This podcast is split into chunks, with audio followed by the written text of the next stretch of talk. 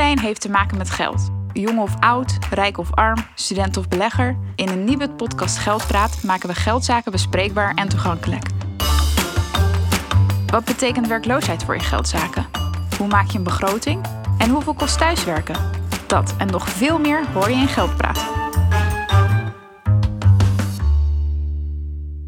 Welkom bij Geldpraat. Mijn naam is Max. Het is weer maart en dus tijd voor de belastingaangifte. Daarom zit ik hier vandaag met Liane Vlaskamp. Zij is algemeen directeur bij de directie particulieren van de Belastingdienst. Hoi Liane. Hoi Max. Uh, inderdaad, mijn naam is Liane en ik ben algemeen directeur bij de directie particulieren van de Belastingdienst. En de directie particulieren is verantwoordelijk voor uh, het uitvoeren van de aangiftecampagne, waarbij wij burgers, ondernemers uitnodigen om weer aangifte voor de inkomstenbelasting te doen. Oh ja, nou, drukke periode nu dus. Uh... Een zeer drukke periode. Ja. Wat is eigenlijk de belastingaangifte? De belastingaangifte kun je zien als een bewijs of verklaring van jouw inkomsten en hoeveel geld jij hebt. Op basis van je aangifte stelt de Belastingdienst vast of jij geld terugkrijgt van de Belastingdienst of dat je belasting moet betalen. De Belastingdienst heeft een programma ontwikkeld waarmee je digitaal de aangifte kan doen. Je doorloopt het programma en beantwoordt de vragen. Dat kan ook met de aangifte-app, waar we jongeren actief naar verwijzen. Oké, en uh, ja, waarom moeten die bedragen die je betaalt aan loonheffing en zorgpremies, waarom moeten die achteraf gecontroleerd worden? Kan dat niet eenvoudiger of wordt, kan dat niet ineens worden verrekend? De Belastingdienst heeft veel gegevens vooraf ingevuld. Deze gegevens hebben wij gekregen van anderen, bijvoorbeeld van je werkgever. Maar wij kunnen niet altijd alles van alle burgers weten. Daarom vragen we om deze gegevens goed te controleren en waar nodig aan te vullen. Bovendien blijf je zelf verantwoordelijk voor het doen van aangifte. Ja, en soms heb je. Uh, je hoopt altijd dat je veel terugkrijgt. Uh, nou, soms krijg je niks terug, soms moet je bijbetalen. En waar, waar ligt dat aan? Hoe komt dat? Uh, ja, dat ligt eraan aan, je, aan je persoonlijke situatie.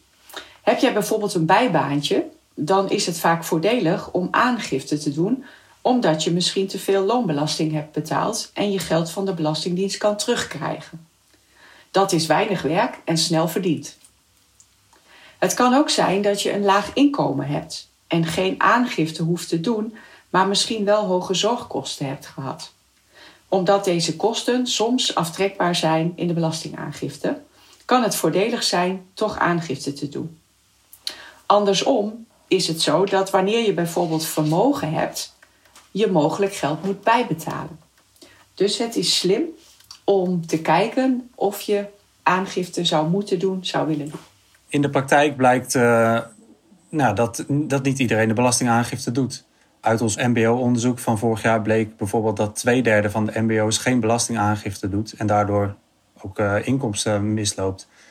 Uh, weten jullie toevallig hoeveel mensen jaarlijks geen belastingaangifte terwijl het wel moet? Bijna alle mensen die uitgenodigd worden door de Belastingdienst om aangifte te doen, die doen dat tijdig. Maar het kan ook zijn dat je niet verplicht bent om aangifte te doen en dat je niet door de Belastingdienst wordt uitgenodigd, maar dat het wel voordelig kan uitpakken voor jou. Dan is het dus verstandig om zelf aangifte te doen.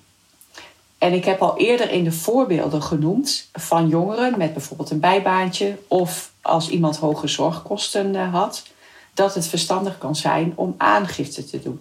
Want dan kun je misschien geld terugkrijgen.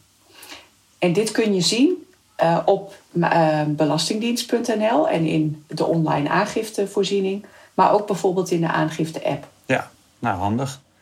Maar wat gebeurt er dan als je geen aangifte doet? Ja, als je verplicht bent om belastingaangifte te doen en je doet het niet, dan krijg je eerst een herinnering van de Belastingdienst. Ontvangen we dan daarna ook nog geen aangifte, dan krijg je een aanmaning van de Belastingdienst. En als je daarna nog steeds geen aangifte hebt gedaan, dan heb je kans op een boete. Ah ja, nou dat is natuurlijk zonde, want zoveel werk is het meestal niet. Uh, dat klopt, het is, het, het is relatief gemakkelijk om de aangifte in te vullen. Uh, dus wij nodigen mensen ook actief uit om dat ook te doen. Uh, om te voorkomen dat je een herinnering krijgt, een aanmaning en soms zelfs een boete. Ja. Ehm, het, nou ja, iedereen die de belastingaangifte wel eens heeft gedaan, die weet dat je altijd zelf nog wat gegevens en informatie moet aanvullen. Maar weten jullie eigenlijk niet alles al? Ja, met de vooraf ingevulde gegevens helpen we mensen om op tijd en op de juiste manier aangifte te doen. Wij krijgen zo'n 212 miljoen gegevens. En dat zijn gegevens over het inkomen, over sparen, over hypotheken. En die gegevens koppelen we aan de juiste mensen. Dus we hebben al veel gegevens vooraf ingevuld. Maar wij weten niet altijd wat er in de persoonlijke situatie van mensen is veranderd in 2021. En bovendien, ik benadruk het toch een keer, blijf je zelf verantwoordelijk voor het doen van aangifte. Ja, precies. En wat doe je dan ehm, als er een keer eh, gegevens verkeerd zijn ingevuld door de Belastingdienst, wat natuurlijk kan gebeuren? Als de vooringevulde gegevens niet kloppen, kun je deze gegevens wijzigen in de aangifte. Dat geldt overigens niet voor de aangifte-app. Als je daarin iets wilt wijzigen, word je doorgestuurd naar de online aangifte op belastingdienst.nl.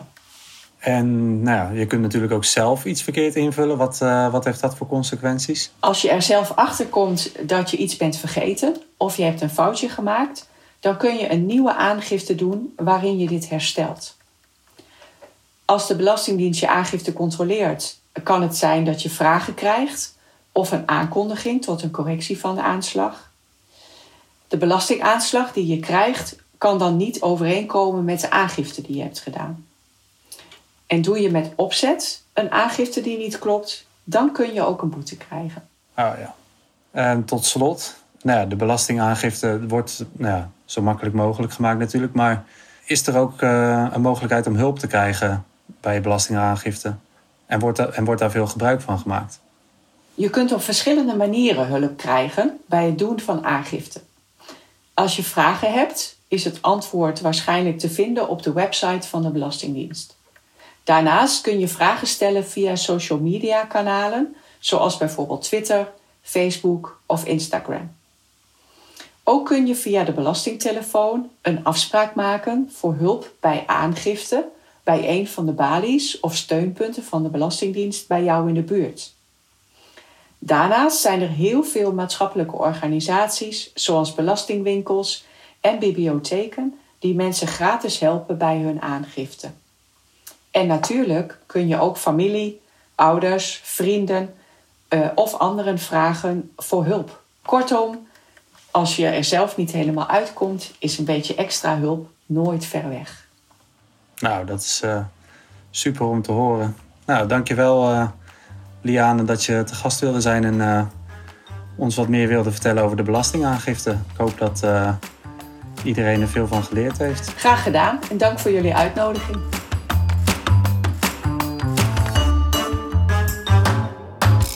Bedankt voor het luisteren naar Geldpraat. Wil je meer weten over dit onderwerp? Ga dan naar nibud.nl slash podcast. We horen graag wat jullie ervan vinden, dus laat vooral een reactie of rating achter.